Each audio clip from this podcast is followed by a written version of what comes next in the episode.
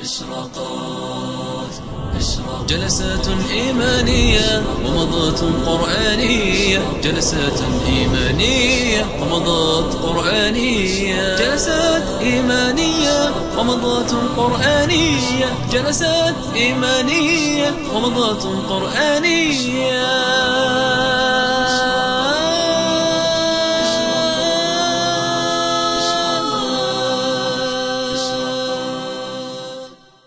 إذا السماء انفطرت. وهذه السورة الكريمة لها أسماء منها الانفطار وهو الموجود في غالب المصاحف وكتب التفسير. ومن أسمائها إذا السماء انفطرت وهذا الذي ورد في السنة واعتمده البخاري في صحيحه وقد جاء عند الترمذي بسند قال عنه إنه حسن صحيح عن ابن عمر رضي الله عنه أن النبي صلى الله عليه وسلم قال من أحب أن يرى القيامة كأنها رأي عين فليقرأ إذا الشمس كورت وإذا السماء انفطرت وإذا السماء انشقت. فهذا تسمية للسورة بأحد أو بإحدى آياتها. وقد يتسامح بعضهم فيسميها انفطرت اختصارا هكذا. وهي تسع عشرة آية باتفاق أصحاب العدد. وأيضا هي سورة مكية باتفاقهم.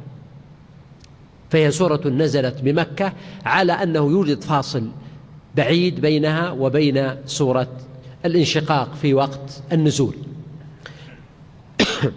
تستفتح هذه السورة بقوله عز وجل إذا السماء انفطرت وإذا ظرف لما يستقبل من الزمان. فهو أمر يتحدث عن الغيب. وعن يوم القيامة والساعة وما يجري فيها. ولكنك تلاحظ في السورة تسلسلا عجيبا فهو يبدأ بانفطار السماء والمقصود بالسماء في أبسط وأسهل معانيها هي هذه القبة الزرقاء التي نشهدها فوقنا. وإلا فإن لفظ السماء في اللغة يطلق على كل ما علا وارتفع. ولذلك العرب يسمون السحاب سماء إذا نزل السماء بأرض قوم رعيناه وإن كانوا غضابا. وكذلك الشيء المرتفع يسمى سماء. وهذه القبة التي فوقنا تسمى سماء أيضا. ولكن المقصود هنا لما يقول الله سبحانه وتعالى إذا السماء انفطرت إشارة إلى هذه القبة التي نرفع أبصارنا فنراها في أجمل صورة. فالله تعالى خاطبنا بمقتضى ما تراه عيوننا وأبصارنا. ولهذا لما قال الله سبحانه وتعالى الذي خلق سبع سماوات طباقا ما ترى في خلق الرحمن من تفاوت فارجع البصر هل ترى من فطور؟ ثم ارجع البصر كرتين. يعني لو كررت النظر إلى السماء التي فوقك مرة بعد أخرى لا ترى فيها شقوق ولا صدوع ولا فطور وإنما ترى منظرا جميلا مدهشا عظيما في هذه الزرقة التي تحكي زرقة البحر. فهنا السماء التي نراها بهذه الصفة تتغير حالها يوم القيامة وتتفطر تتشقق. إذا السماء انفطرت إذا السماء انشقت فهي تتمزق ولا تبدو كما نراها الآن وإنما تبدو متهتكة متمزقة. قد يكون هذا لنزول الملائكة قد يكون لانفطارها بالغمام قد يكون بأي شيء آخر.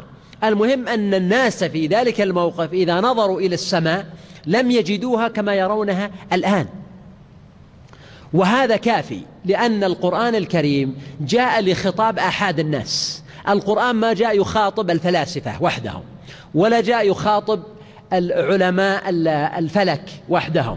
ولا جاء يخاطب المتخصصين وإنما من إعجاز القرآن أنه خطاب يفهمه الأعرابي في الصحراء الذي يرعى الغنم كما يفهمه الإنسان العادي كما يفهمه المتخصص البليغ الضليع في علمه. فإذا قال الله عز وجل إذا السماء انفطرت اتفق على هذا المعنى الذي نشير إليه. أما أن يأتي إنسان ويقول ما المقصود بالسماء وهل هذا السماء عبارة عن جرم يتشقق؟ فنحن نقول الناس خوطبوا بلغتهم وبما يرون ويشاهدون وهو عندهم قائم مقام الحس. فتتشقق السماء يوم القيامة. وهذا أول ما ذكر هنا. وإذا الكواكب انتثرت. والكواكب ذات علاقة بالسماء أيضا لأن الله تعالى جعلها في الدنيا زينة للسماء. فهذه الكواكب وهي النجوم أيضا تنتثر تتناثر. والأصل أن الانتثار يطلق على الأشياء التي تقع على الأرض. يعني إذا نثر إنسان مثلا شيء على الأرض قيل أنه نثر على الأرض. لكن إذا كان النثر على غير الأرض فهل يسمى نثرا؟ بعضهم يقول هذا على سبيل المجاز. وفي القرآن الكريم فجعلناه هباء منثورا والهباء المنثور ليس على الأرض وإنما هو في الجو في الهواء. فنحن نقول لا مانع أن يقصد بالنثر التفريق غير المرتب سواء كان في الأرض أو في غيرها. فالكواكب هنا تنتثر يوم القيامة. وما معنى الانتثار؟ يحتمل أن تكون الكواكب خرجت عن مداراتها لأن الله تعالى جعل النظام الفلكي آه، آه، نظاما وضبطا دقيقا جدا وكل آه، كوكب له مدار بأمر الله تعالى وحكمته لا يتجاوزه ولا يتعداه. لكن في ذلك اليوم تختلف المدارات وتضطرب وتخرج عن سياقها المعتاد وكأنها تسبح في الفضاء على غير هدى. بما يترتب على ذلك من تضاربها وتصادمها إلى غير ذلك. وقد يجوز أن يكون من معاني الانتثار هو سقوط الكواكب أيضا على الأرض. وهذان المعنيان محتملان في الآية الأخرى وإذا الكواكب وإذا النجوم انكدرت. وإذا النجوم انكدرت. فهذا معاني من معاني انتثارها. إذا بدأ بالسماء وعادة الهدم إذا إذا أراد ولله الحكمة البالغة إذا أراد إنسان أن يهدم بيتا أو بناء أول ما يبدأ إذا كان هدم منظم ومقصود دعك من الهدم الذي يكون بغير اختيار بسبب عصير أو فيضانات هذا لا ليس له آه، نظام.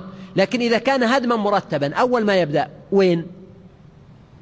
يبدأ بإزالة السقف ثم إزالة الجدران ثم تسوية الأرض وهكذا جاء الأمر ها هنا. فأول ما بدأ بذكر السقف وهو السماء وما يتعلق بها وهي النجوم. ثم انتقل بعد ذلك إلى البحار وإذا البحار فجرت. وتفجير البحار ذكر المفسرون هنا له أكثر من معنى. قال بعضهم إن تفجير البحار معناه أن يفتح بعضها على بعض وتزول الحدود والعوازل والفواصل والبرازخ بينها فيتصل بعضها ببعض. وهذا معنى واضح في الآية في انفجار البحار. وقيل إن معنى انفجار البحار أيضا هو أن يخرج الماء على اليابسة. وقيل إن معنى انفجارها أن تيبس البحار. فلا يوجد الماء. كل هذه المعاني الثلاثة قيلت لكن ثمة معنى الرابع قل من ذكره في هذه السورة وهو الأقرب إلى القوة أن يكون المقصود بانفجار البحار هو أن أن تنفجر وتتلهب نارا بمعنى أن تفصل مكونات الماء بعضها عن بعض فيترتب على ذلك حصول انفجار صوتي وما يتلوه من تحول البحر إلى لهيب وإلى نار. وهذا واضح جدا في الآية الأخرى وإذا البحار سجرت فإن التسجير غالبا ما يستخدم وإن كان يستخدم للون مثلا لكن غالبا ما يستخدم التسجير للإحراق. ولذلك يقال مثلا سجر التنور يعني أوقده. وهكذا في القرآن الكريم قال الله سبحانه وتعالى والطور وكتاب مسطور في رق منشور والبيت المعمور و والبحر المسجور. فالبحر المسجور الذي أقسم الله به كأنه البحر الذي يسجر عند القيامة فيتحول من ماء يطفئ النار ويطفئ اللهب إلى أن يكون هو نارا تتلهب وتتلظى. وهذا المعنى ذكره مجاهد إمام المفسرين. ونقل عن علي بن أبي طالب رضي الله عنه أنه سأل يهوديا فقال له آه، أين النار؟ قال اليهودي النار البحر. قال علي رضي الله عنه والله ما أراه إلا قد صدق. وتلا هذه الآية وإذا البحار سجرت. والأمر الرابع إذا الآن انتقلنا من السماء إلى البحر إلى اليابسة. وإذا القبور بعثرت والقبور هي في اليابسة. وكأن هذا تسوية للأرض. فالإشارة إلى بعثرة القبور أولا إشارة إلى مجموعة أحداث تقع على الأرض. منها مثلا إذا زلزلت الأرض زلزالها كما سبق وأخرجت الأرض أثقالها. إذا الأرض تخرج ما فيها ومن ذلك أنها تخرج ما في باطن القبور من الناس. وهكذا أيضا أن الله تعالى يسوي الأرض. فلا يكون فيها مرتفع ولا منخفض كما في قوله ويسألونك عن الجبال فقل ينسفها ربي نسفا فيذرها قاعا صفصفا لا ترى فيها عوجا ولا أمتا.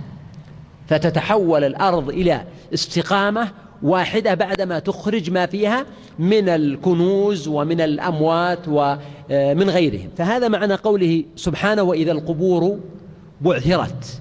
يعني بعثت وأثيرت وفتحت وأخرج ما فيها. فهذا معنى البعثرة.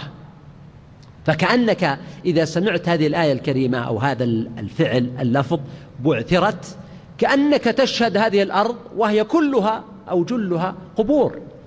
مثل ما كان يقول أبو العلاء المعري صاحي هذه قبورنا. تملأ الرحب فأين القبور من عهد عادي؟ رب قبر قد صار قبرا مرارا ضاحكا من, تضا من تزاحم الأضداد ودفين على بقايا دفين. فهذه القبور بعضها ربما فوق بعض وبعضها إلى جوار بعض فأنت ترى وجه هذه البسيطة وقد بعثرت هذه القبور وأثيرت فكأنك تشهد ذلك أمامك. وختم الله سبحانه وتعالى هذه الأحداث المختصرة هنا بينما فصلت في سورة مثلا إذا الشمس كورت ختمها ببعثرة القبور وكأن في ذلك والله أعلم. إشارة إلى أن هذا العمل الذي يحدث ليس عملا عشوائيا أو عاديا.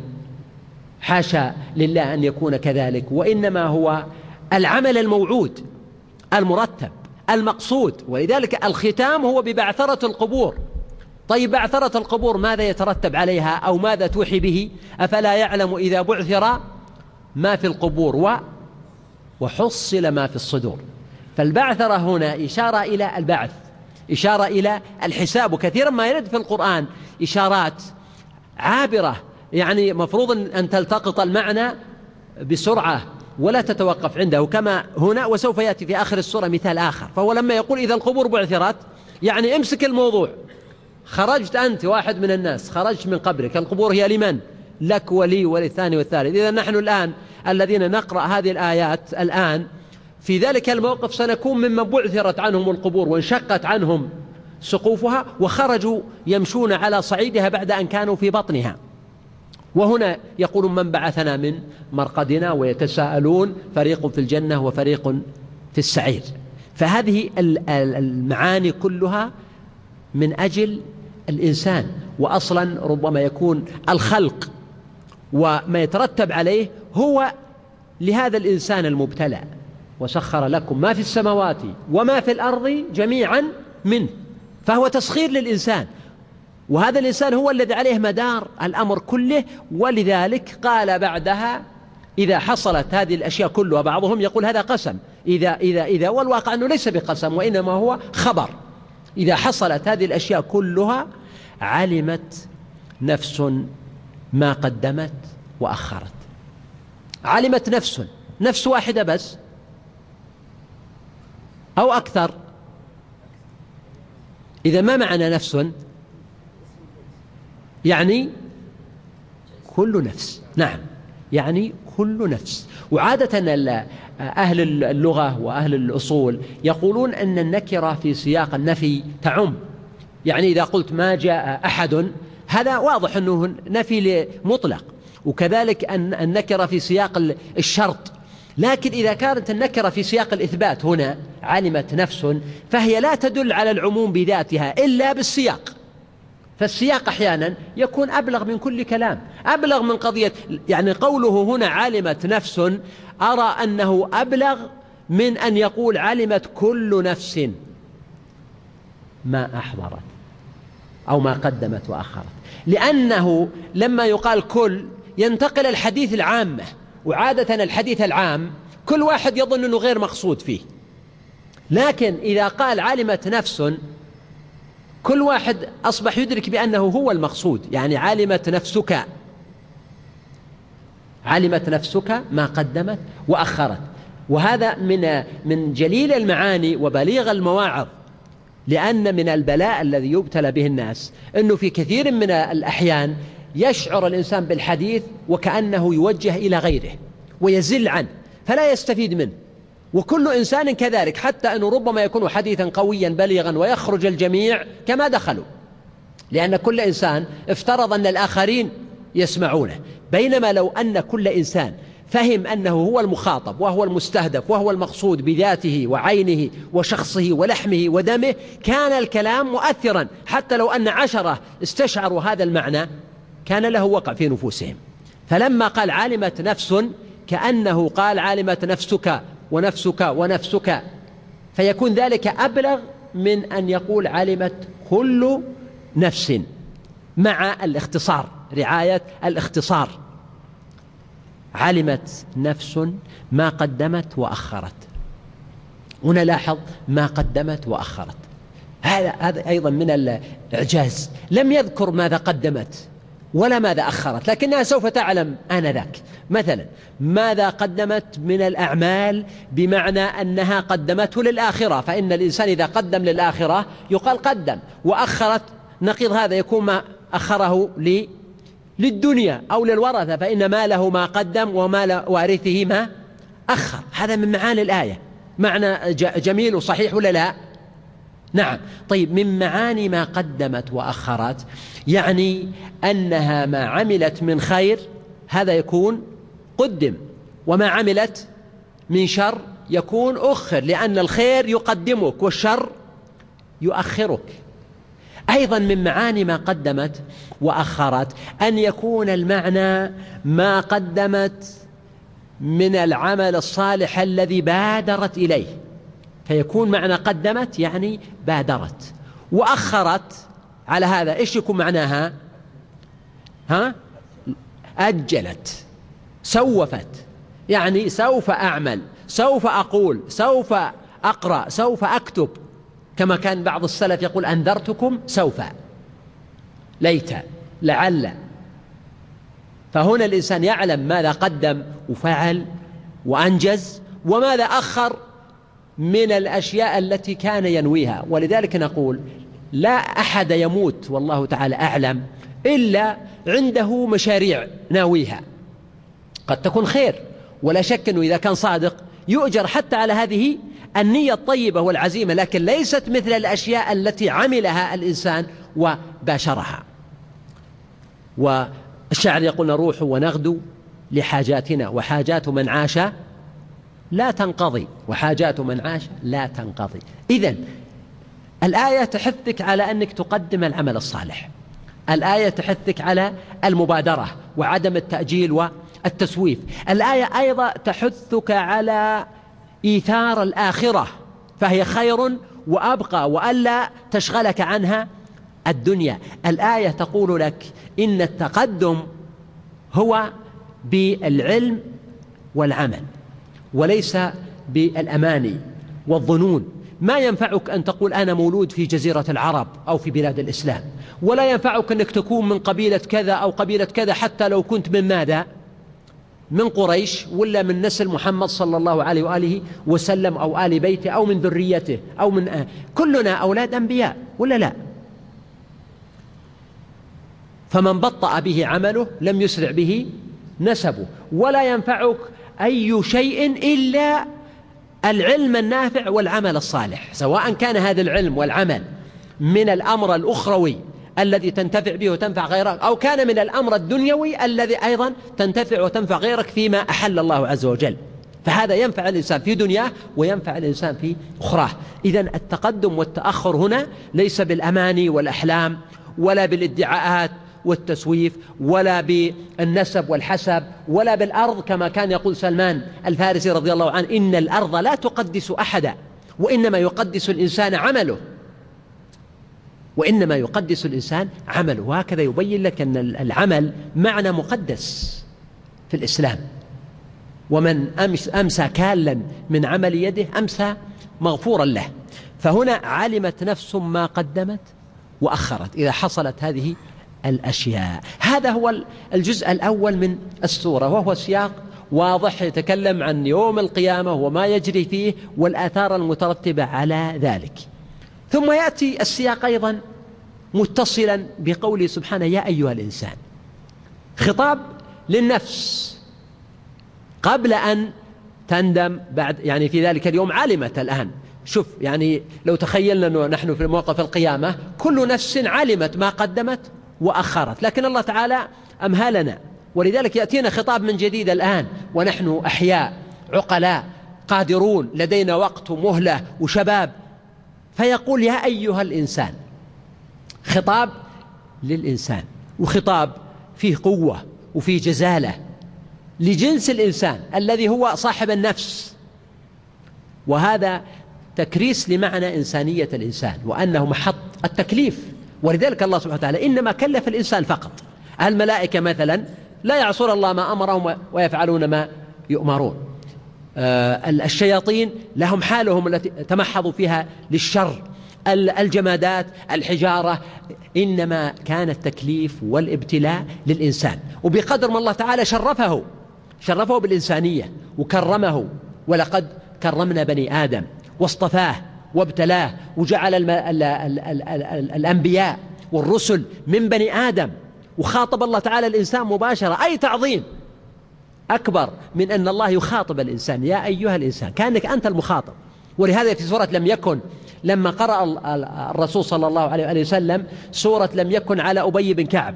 وقال له إن الله تعالى أمرني أن أقرأ عليك سورة لم يكن. قال أبي يا رسول الله وسماني لك. قال نعم فبكى أبي بن كعب.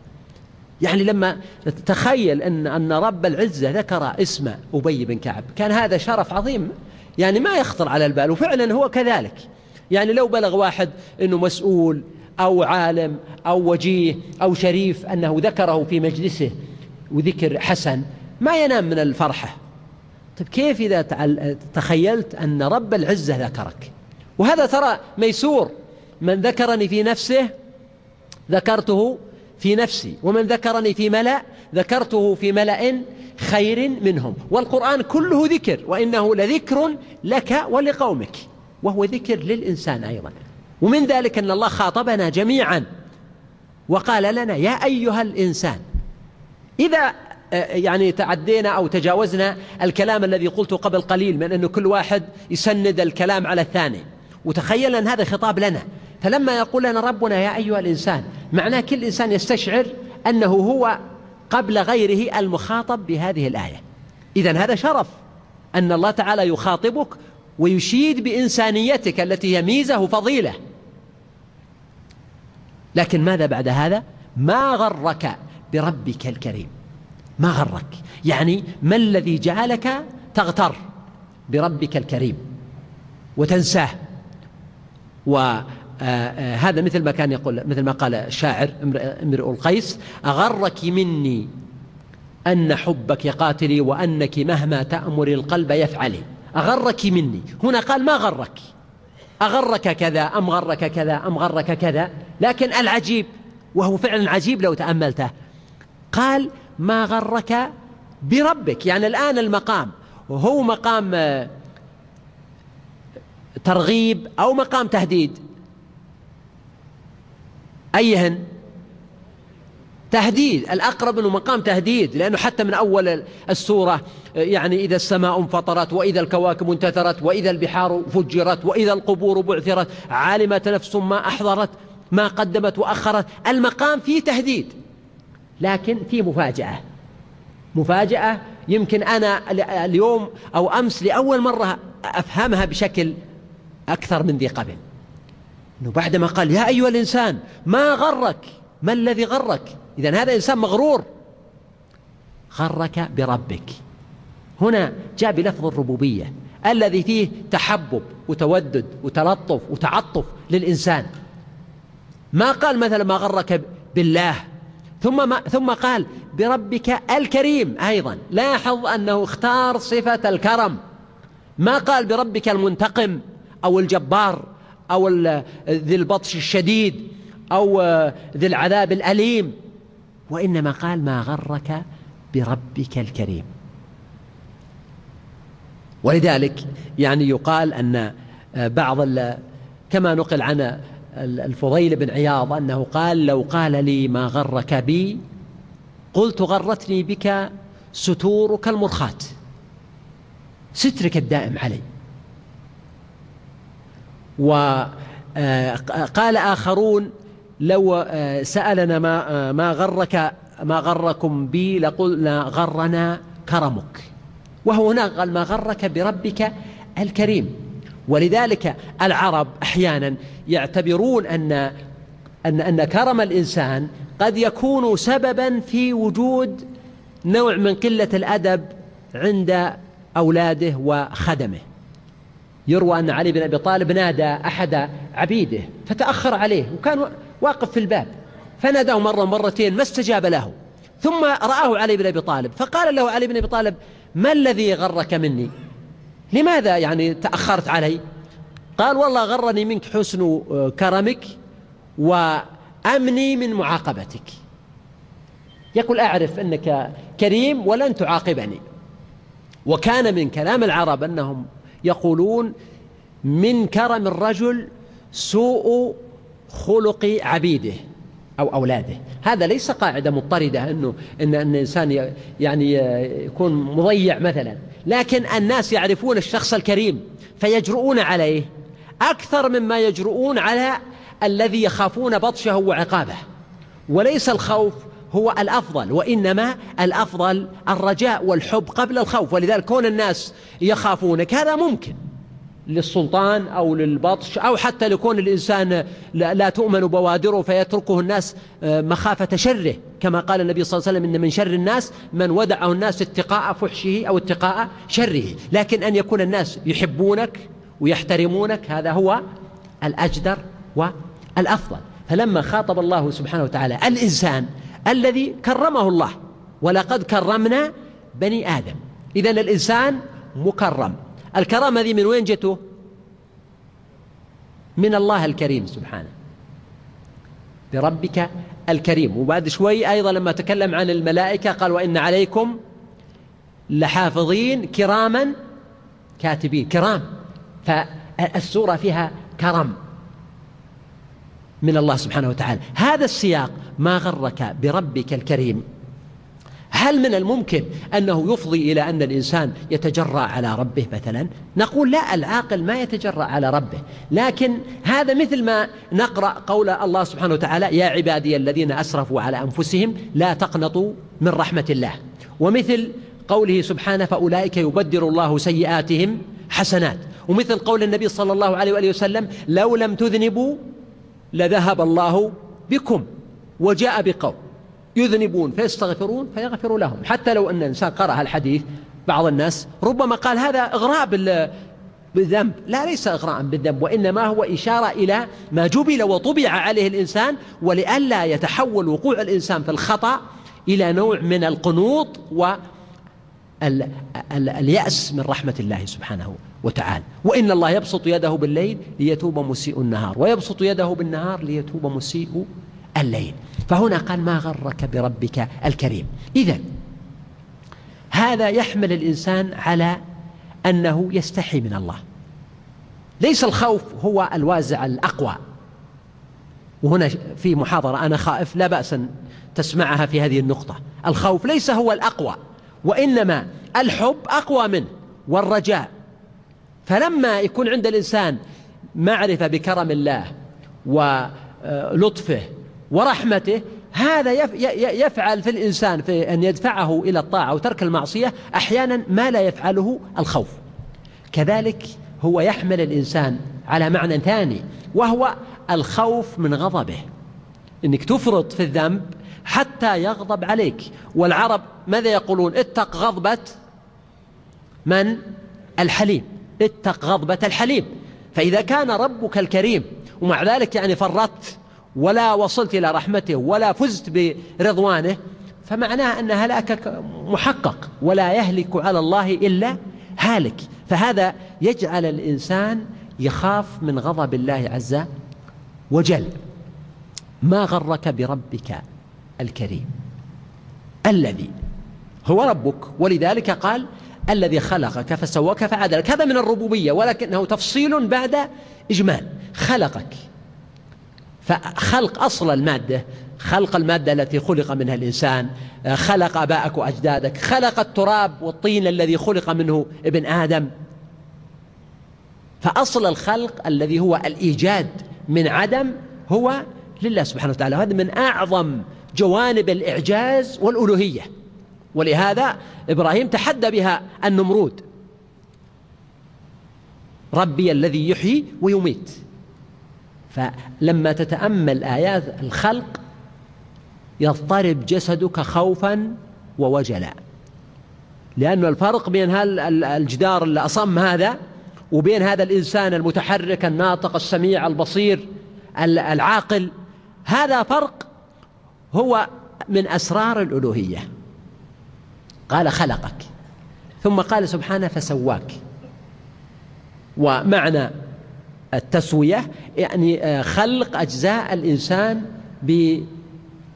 باستقامة وتناسب بحيث أن الإنسان آه، سميع بصير آه، مستقيم ليس فيه اعوجاج أو انحراف أو قبح في أصل خلقته. ثم قال فعدلك وهنا خلقك فسواك. هذا لكل المخلوقات. يعني الإنسان والحيوان. لكن لما قال فعدلك هذه فيما يظهر لي فعدلك أنها خاصة بمن؟ بالإنسان. يا أيها الإنسان فهي مثل قوله تعالى لقد خلقنا الإنسان في أحسن تقويم عدلك لما ترى وضع العينين والشفتين والأنف والشعر واستقامة الجسم واعتداله ترى أن فيه تميز عن جميع الحيوانات التي قد تكون يعني أقوى من الإنسان أو أفتك أو أبطش لكن الإنسان في هذا التميز الذي منه ميزة الجمال. حتى إن جمال الإنسان أجمل من من الطاووس وأجمل من كل الحيوانات الأخرى. ففيه استقامة واعتدال وحسن خلقك فسواك فعدلك وفي قراءة سبعية فعدلك بالتشديد. والمعنى واحد. ثم قال سبحانه في أي صورة ما شاء ركبك. وهنا تلاحظ قوله في أي صورة ما شاء. يعني في أي صورة شاء.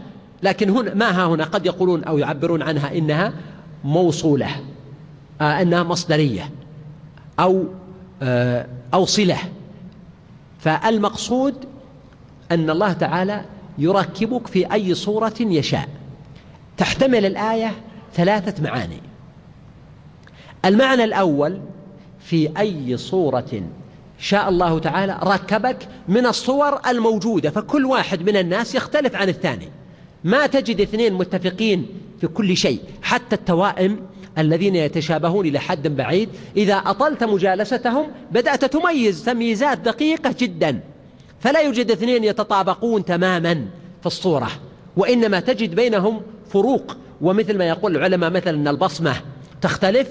كذلك يقول العلماء أن حدقة العين تختلف بين كل إنسان وآخر وكذلك نبرة الصوت تختلف. إذا كل إنسان يختلف عن الثاني. ولما تقرأ كلام العلماء في موضوع الوراثة والجينات وكيف يأخذ الإنسان من أبيه وكيف يأخذ من أمه وكيف يأخذ من جده وجدته ترى نظام دقيق ومعقد ومدهش ومذهل ويعمل بكفاءة وسهولة. بحيث أنه أنت فيك شيء من أبيك ومن أمك ومن جدك وجدتك وبنسب معينة تتناقص. ولما تتزوج أنت من عائلة أخرى هذا المولود الجديد أخذ منك وأخذ من أمه أخذ من أخواله وأعماله أعمامه. ففيه سبحان الله صور عجيبة. وكل مخلوق جديد هو عبارة عن صورة جديدة. في أي صورة ما شاء ركبك. إذا هذا هو المعنى الأول. أن كل إنسان له صورة شاء الله تعالى أن يركبه عليها فيركبك أنت على صورة أشبه بآبائك وهذا أشبه بأعمامه وهذا مخلوط وهذا يميل للبياض وهذا يميل للسواد وهذا إلى آخره حتى قصة الأعرابي الذي قال يا رسول الله أن امرأتي ولدت غلاما أسود. فماذا قاله النبي صلى الله عليه وسلم؟ قال له ألك إبل؟ قال نعم. قال فهل فيها أورق قال نعم قال المهم لما سأله أنه ربما يكون فيها لون مختلف قال لما؟ قال لعله أن يكون نزعه عرق. فقال النبي صلى الله عليه وسلم وكذلك ولدك لعله أن يكون نزعه عرق. إيش معنى نزعه عرق؟ يعني وراثة يمكن من جده الرابع أو الخامس لم تظهر إلا في هذا المولود الجديد. هذا المعنى الأول. المعنى الثاني في أي صورة ما شاء ركبك أن الله تعالى قادر على تركيب الإنسان في أي صورة غير الصور الموجودة ولكنه برحمته ولطفه اختار للإنسان هذه الصورة الحسنة الجميلة. وإلا فإن الله عز وجل قادر على أن يركب الإنسان في صور أخرى كصور الحيوانات. التي ربما يراها الإنسان فيسخر منها أو من شكلها أو هيئتها. وكم من إنسان نظر مثلا إلى القرود وهي تتراكض في الجبال أو نظر إلى ألوان من الحيوانات فتعجب من خلقتها. فهنا يحمد ربه الذي اختار له الصورة الحسنة. هل في أحد منا خير واختار الصورة التي خرج بها؟ كلا. وإنما هذا من ربك الكريم. المعنى الثالث في أي صورة ما شاء ركبك أن يكون المقصود شمولية الصورة صورة الجسد وصورة الروح والخلق. وهذا معنى جميل أيضا ولا يتعارض مع المعنيين السابقين. كما قال بعض السلف قال إن الإنسان قد يكون في صورة الحمار في بلادته. وقد يكون في صورة الخنزير في شرهه وقد يكون آه، في بخله أو في آه، دناءته في أي صورة أي حيوان من الحيوانات. إذا الصورة التي يركب بها الإنسان ليست فقط صورة الشكل حتى إن الناس يلاحظون أن الإنسان ما هو فقط في ملامحه. يعني قد توجد إنسان ملامحه جميلة جدا لما تنظر إلى عينيه وشكله وقامته تحس أن كل واحد من أعضائه في غاية الجمال. لكن لا تجد في هذا الإنسان ولا تجد في هذا الوجه الحسن والملاحة والجاذبية. بينما قد يكون الإنسان لما تنظر إليه لا تجد فيه آثار الوسامة الحسية ولكن تجد عنده جمال روحي وجاذبية وقبول. أيضا ربما إنسان لأول وهلة يعجبك بشكله وقامته وجسمه لكن إذا جالسته وخالطته نفرت منه نفورا شديدا ولهذا كثير ما أقول للإخوة الذين يبحثون في موضوع الزواج. أقول إن الجمال والحسن من من مطالب الزواج بدون شك لكن يجب أن تراعي أن هذا الجمال ربما بعد معاشرته بشهر وسنة يبدو عندك شيئا عاديا مألوفا. آه، يعني قشعته عينك واعتادت عليه نفسك فلا يثيرك. ويبقى الأمر الآخر وهو جمال العقل وجمال الروح وجمال الأخلاق وجمال الأمانة الذي يجعلك تشعر أنك أمام إنسان بمعنى الإنسانية ولست أمام تمثال من الجمال الجسدي أو الحسي المحض. الجمال مطلوب لكن أيضا سعة الجمال. وهذا داخل في قول النبي صلى الله عليه وسلم إن الله جميل يحب الجمال. مما يقدر عليه الإنسان ويستطيع أن يكتسبه أيضا. إذا هنا لما قال في أي صورة ما شاء ركبك دخل في ذلك الصورة الحسية ودخل فيها الصورة المعنوية المتعلقة بالخلق وجمال الروح وجمال النفس وجمال العقل والتفكير وجمال الإنسانية. قال سبحانه كلا بل تكذبون بالدين. كأن قوله كلا نفي للكلام السابق لما قال ما غرك بربك الكريم؟ قد يقول قائل غرني كذا وغرني كذا وغرني كذا فالله سبحانه وتعالى نفى هذا كله. ما غرك إلا شيء واحد وهو التكذيب بيوم الدين. بل تكذبون بالدين. والدين هو الجزاء والحساب المقصود به هنا يوم القيامة. يعني الدينونة أن يدان الإنسان ويجازى بما عمل خيرا أو شرا. ولهذا قال كثير من الأئمة والسلف قالوا إن جماع الذنوب والخطايا والجرائم هو التكذيب بيوم الدين. وهذا لما تتأمل القرآن تجده واضحا. وقال موسى إني عدت بربي وربكم من كل متكبر لا يؤمن بيوم الحساب. إن أخلصناهم بخالصة ذكر الدار. فإذا مدح الله الصالحين مدحهم بالإيمان بيوم القيامة وذكرها. وإذا ذم الله تعالى الفجار ذمهم. وحتى في سورة المطففين ألا يظن أولئك أنهم مبعوثون كما سبق معنا. فهنا قال بل تكذبون بالدين. وهذا يدل على أهمية الإيمان بيوم الحساب في حس المؤمن وفي عقيدته وأن هذا الإيمان لا ينبغي أن يكون إيمانا صوريا شكليا لا يحمل على طاعة ولا يردع عن معصية. وكثير مما نقرأ في حتى في دروسنا ومدارسنا وكتبنا وحلقات علمنا ينبغي أن, أن ننظر ونتفقد هل هذا الذي درسناه يزيد من رصيد الإيمان في قلوبنا يحيي, نفوسنا يبعث فينا الخير ويأد فينا عوامل الشر. أم إنها مجرد معلومات تضاف إلى المعلومات الموجودة عندنا مثل المعلومات الرياضية؟ يدخل عليك مدرس التوحيد فيعطيك درسا في العقيدة ثم يخرج ويدخل مدرس الرياضيات فيعطيك درسا في الحساب. السؤال بعد الخلاص من هذا الدرس وذاك الدرس. هل تشعر بأن في فرق بينهما؟ أن الدرس الأول خاطب إيمانك ووجدانك وضميرك وحرك مشاعرك والثاني أفادك فائدة عقلية محضة. أم إن الأمرين سواء؟ بل أحيانا العكس. يمكن أحيانا طريقة تدريس وتعليم بعض المواد الشرعية وهذا حصل لنا في بعض الكتب التي تقرر على طلاب وقد لا يكونون أهلا لها ولا يستوعبونها وربما تثير عندهم من التساؤلات والمخاوف والشكوك أكثر مما تبعث في قلوبهم من الإيمان. بينما طريقة القرآن هي أعظم الطرق في النفي والإثبات وفي قضايا الإيمان ونحوها. بل تكذبون بالدين. وهذا قد لا شك أنه خطاب للمكذبين لكن هل هل يدل هذا على أن الإنسان الذي خطب أولا يا أيها الإنسان هو الإنسان الكافر أو أن الخطاب عام؟ الأول وهو الأقرب أن قوله يا أيها الإنسان يشمل كل إنسان. وبعد ذلك الله تعالى خص المكذبين بالدين بخطاب آخر. وإن عليكم لحافظين. عليكم. ولفظ على يدل على الاستعلاء.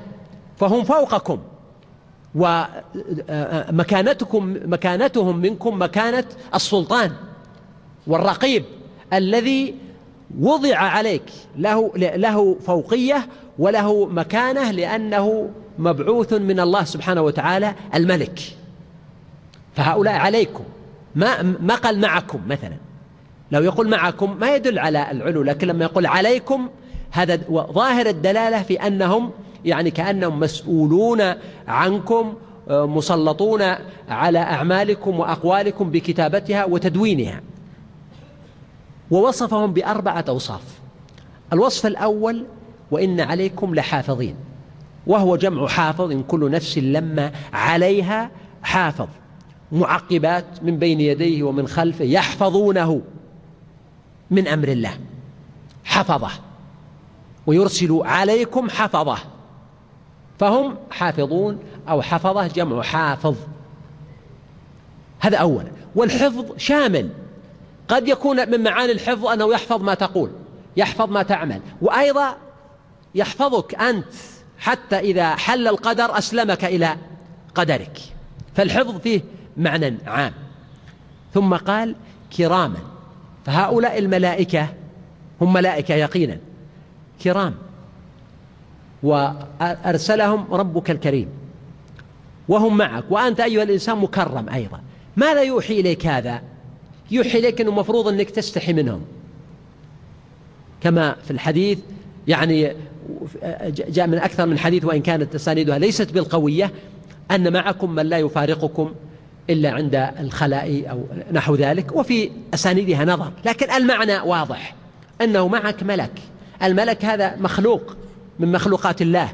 واعي يراقبك ويلاحظك. فهذا يحدث عند الإنسان. أيضا هذا الذي معك إنسان كريم. ولما تعلم أنه كريم يوجب هذا عندك أنك تستحي منه. حتى لو كنت منفصلا عن الناس منفردا أن يراك الملك على ما لا يحسن. ولو أن أحدا وجد أن أباه أو أخاه أو قريبه يراه بحالة لا تسر لاستحى ولم يستطع أن يضع عينه في عينه. فكيف إذا عرفت أن هذا الملك هو معك أمس واليوم وغدا ولا يفارقك إلا بالموت؟ فالوصف بالكرم يوجب هذا المعنى. ثم قال كاتبين.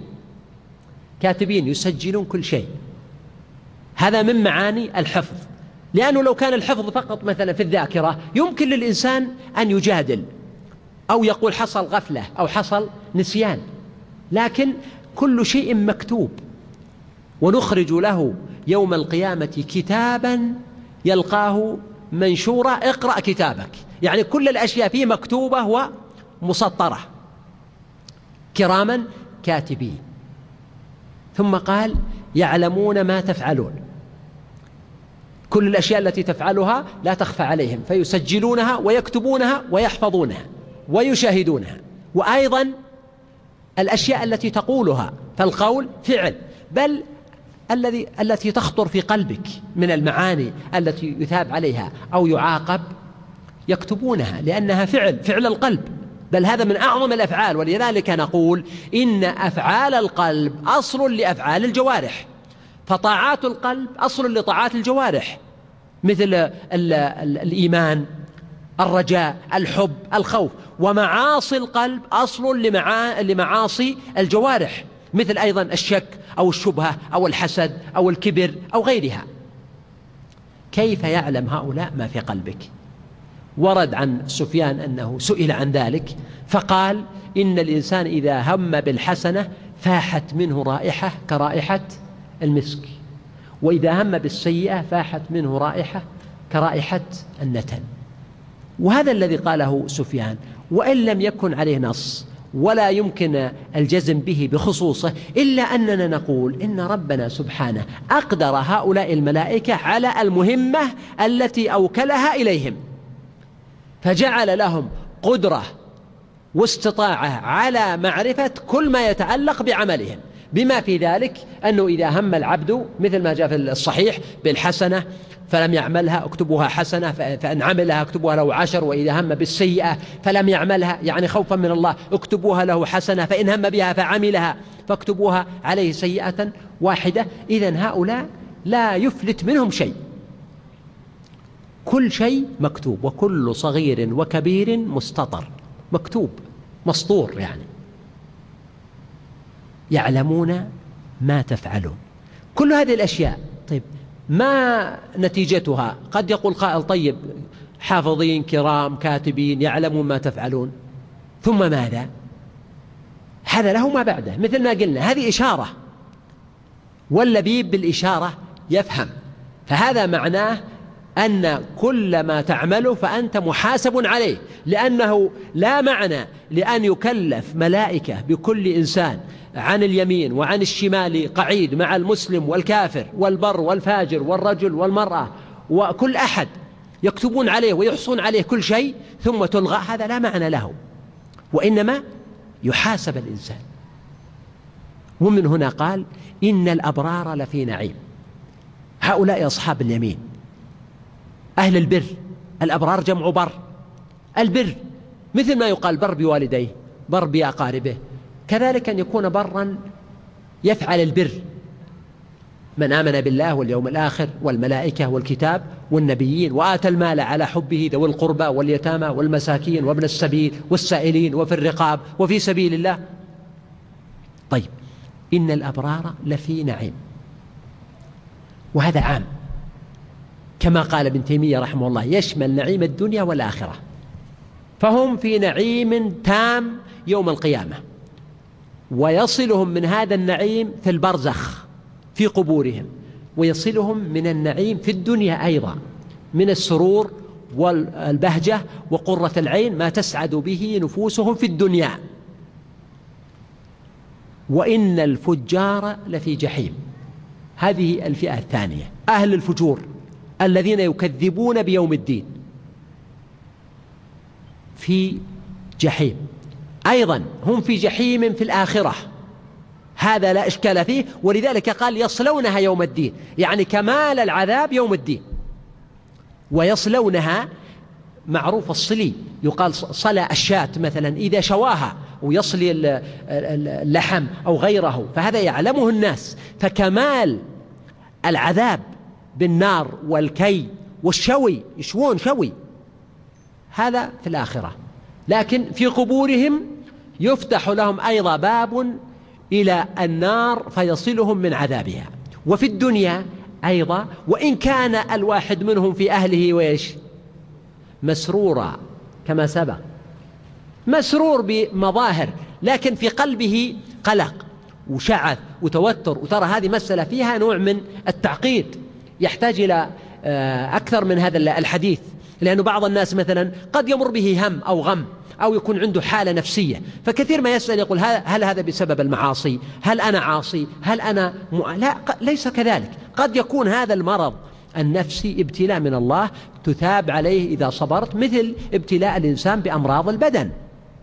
ولكن لو تصورنا هذا الإنسان المصاب بالمرض كافرا سيكون مرضه أضعاف أضعاف ما هو عليه. فإذا تصورناه مؤمنا وجدنا أن الإيمان خير دواء مسكن أو مخفف لهذا أو مزيل لهذا المرض الذي يعانيه. فالأمور نسبية. يصلونها يوم الدين. إذا كمال الصلي يوم الدين. ويصلهم في القبر ويصلهم في الدنيا أيضا من وهجها ولهبها وحرها وسمومها. وما هم عنها؟ بغائبين ما عندهم إجازات. ولا حتى يوم واحد. وقال الذين في النار لخزنة جهنم ادعوا ربكم يخفف عنا. ما قالوا إجازة كاملة إعفاء وإنما تخفيف فقط. يخفف عنا يوما من العذاب. قالوا أولم تكن تكون رسلكم بالبينات؟ قالوا بلى. قالوا فادعوا. وما دعاء الكافرين إلا في ضلال. إذا وما هم عنها بغائبين. وقد تأملت معنى قوله سبحانه بغائبين. ما هم عنها بغائبين. واختيار هذا اللفظ. فوجدت أن أمثال هؤلاء في الدنيا يحضرون ويغيبون. فمتى يحضرون ومتى يغيبون؟ يحضرون عند الطمع وعند الدنيا وعند الشهوة وعند المتاع. ولكن يغيبون عند الجد وعند الموعظة وعند الخير وعند المبادرة وعند الإحسان. فهنا كان من المناسب أن يقال وما هم عنها بغائبين. وقد يجوز أن يكون بعض من نزلت السورة فيهم أو في غيرهم من مشركي مكة كانوا لا يطيقون أن يحضروا مجالس المؤمنين ولا أن يستمعوا إليهم ولا أن يسمعوا أن أحدا من ذويهم أو قرابتهم أو أولادهم أو جيرانهم حضروا مثل هذه المجالس. فكانت العقوبة هكذا وما هم عنها بغائبين. وقد يتوجب على الواحد منهم حق لأحد في محكمة أو مفاصلة أو محاصة. فلا تجد أنه يحضر لأن عنده من الأنفة والكبرياء ما يجعله يزور ويشمخ بأنفه عن الناس. أما في ذلك الموقف فلا. وما هم عنها بغائبين. ثم قال سبحانه وما أدراك ما يوم الدين ثم ما أدراك ما يوم الدين. هذا إما أن يكون تكرار ويقصد بالتكرار في القرآن والتكرار له معاني وله أسرار وإعجاز. وكتب فيه الأئمة كما كتب آه، الجرجاني والسيوطي وسيد قطب وغيرهم. فالمقصود أن يحتمل أن يكون المعنى تكرار والتكرار لتأكيد المعنى ولفت ذهن السامع إلى يوم الدين وعظمته البالغة كما قال سبحانه القارعة ما القارعة وما أدراك ما القارعة الحاقة ما الحاقة وما أدراك ما الحاقة لكن هنا لاحظ أنه كرر كلمة وما أدراك. ثم ما أدراك ما يوم الدين. هذا يمكن أن يكون المعنى والله أعلم أنه لما قال يصلونها يوم الدين وما هم عنها بغائبين. الإنسان المؤمن تخيل يوم الدين العظيم الذي سبق أن السماء فيه تنفطر والكواكب تنتثر والنجوم تنكدر والبحار تنفجر والقبور تبعثر فتخيل معنى عظيما حتى ربما وقع في ذهنه أنه تصور هذا اليوم. فيأتيه الآية تقول له وما أدراك ما يوم الدين؟ يعني الأمر الذي تخيلته أو تصورته أو انقدح في ذهنك ليس بشيء بالقياس إلى حقيقة يوم الدين. فلما سمع الكلام هذا حاول أنه يعني يتصور الأمور أكثر وأكثر وأعظم مما هي عليه فجاءه الجواب الآخر ثم ما أدراك ما يوم الدين. يعني لو أن الإنسان ضاعف طاقته التخيلية والتصورية عشرات بل مئات بل آلاف المرات ما استطاع أن يتصور أو يتخيل ذلك اليوم ولهذا قال ابن عباس رضي الله عنه ليس في, في الجنة مما في دنياكم إلا الأسماء وأتوا به متشابها. والجنة فيها ما لا عين رأت ولا أذن سمعت ولا خطر على قلب بشر فلا تعلم نفس ما أخفي لهم من قرة أعين جزاء بما كانوا يعملون. إذا هذا المعنى الأول أن يكون تكرارا. والتكرار هنا لتأكيد المعنى وتضخيمه وأنه أبعد ما يكون عن تصور الإنسان وفكره وخياله.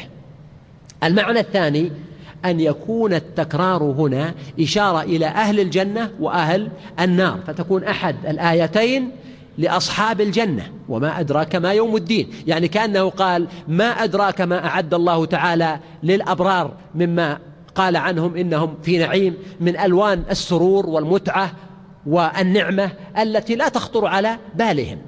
ثم ما أدراك ما يوم الدين؟ يعني ما أدراك أيضا ما أعد الله تعالى للفجار الذين هم في جحيم من العذاب والنكال والأغلال والوبال.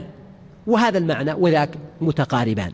ثم جاء الجواب أو ما هو بصيغة الجواب يوم لا تملك نفس لنفس شيئا والأمر يومئذ لله. سبحان الله.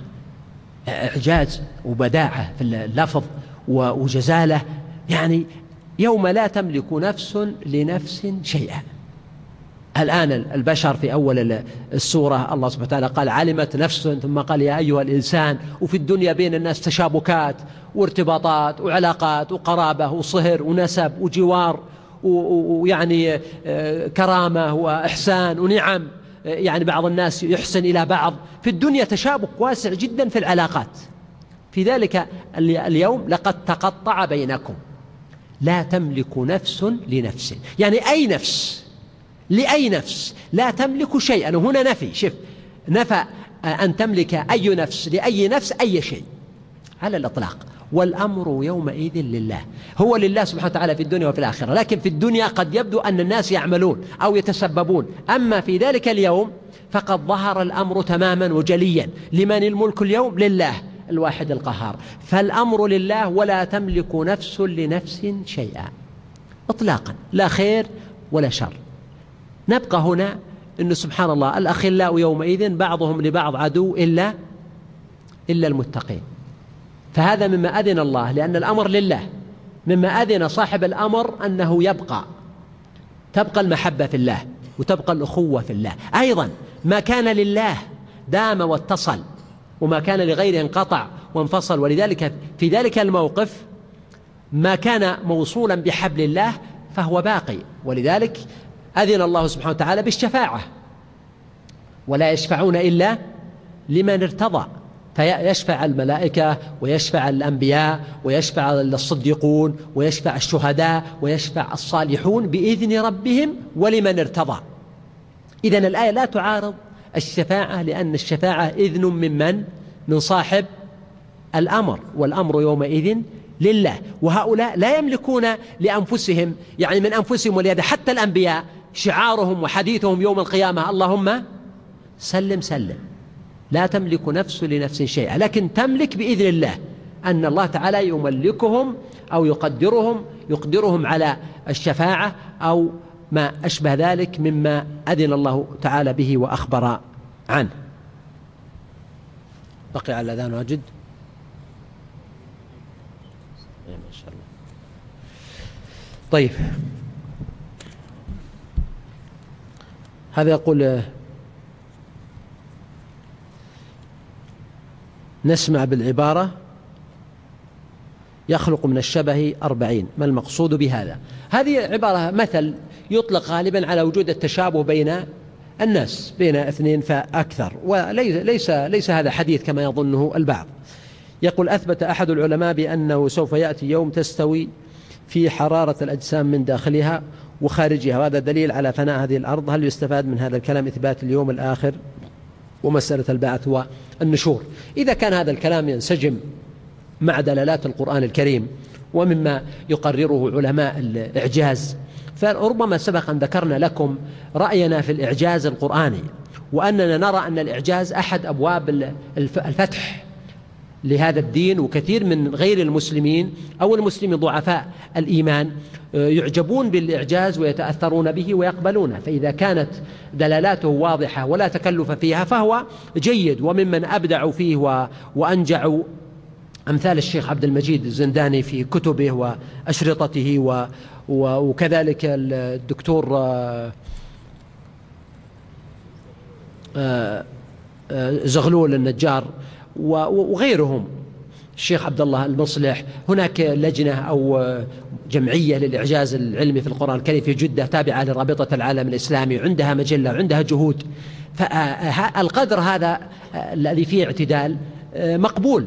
لكن إذا تحول إلى مبالغة وتكلف وأحيانا إقحام بعض الأشياء أو تحريف بعض النصوص فهنا ينبغي أن يحذر منه.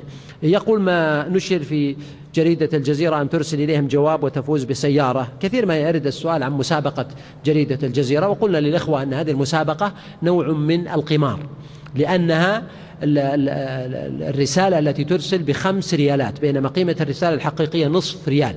فلو تخيلت أنه أرسل إليهم مثلا آه، عشرة آلاف أو أو خمسين ألف شخص معناه أنهم وصلهم مئتان مئة ألف مئتا ألف أو ما زاد على ذلك. إشراقات إشراقات جلسات إيمانية ومضات قرآنية جلسات إيمانية ومضات قرآنية جلسات إيمانية ومضات قرآنية جلسات إيمانية ومضات قرآنية.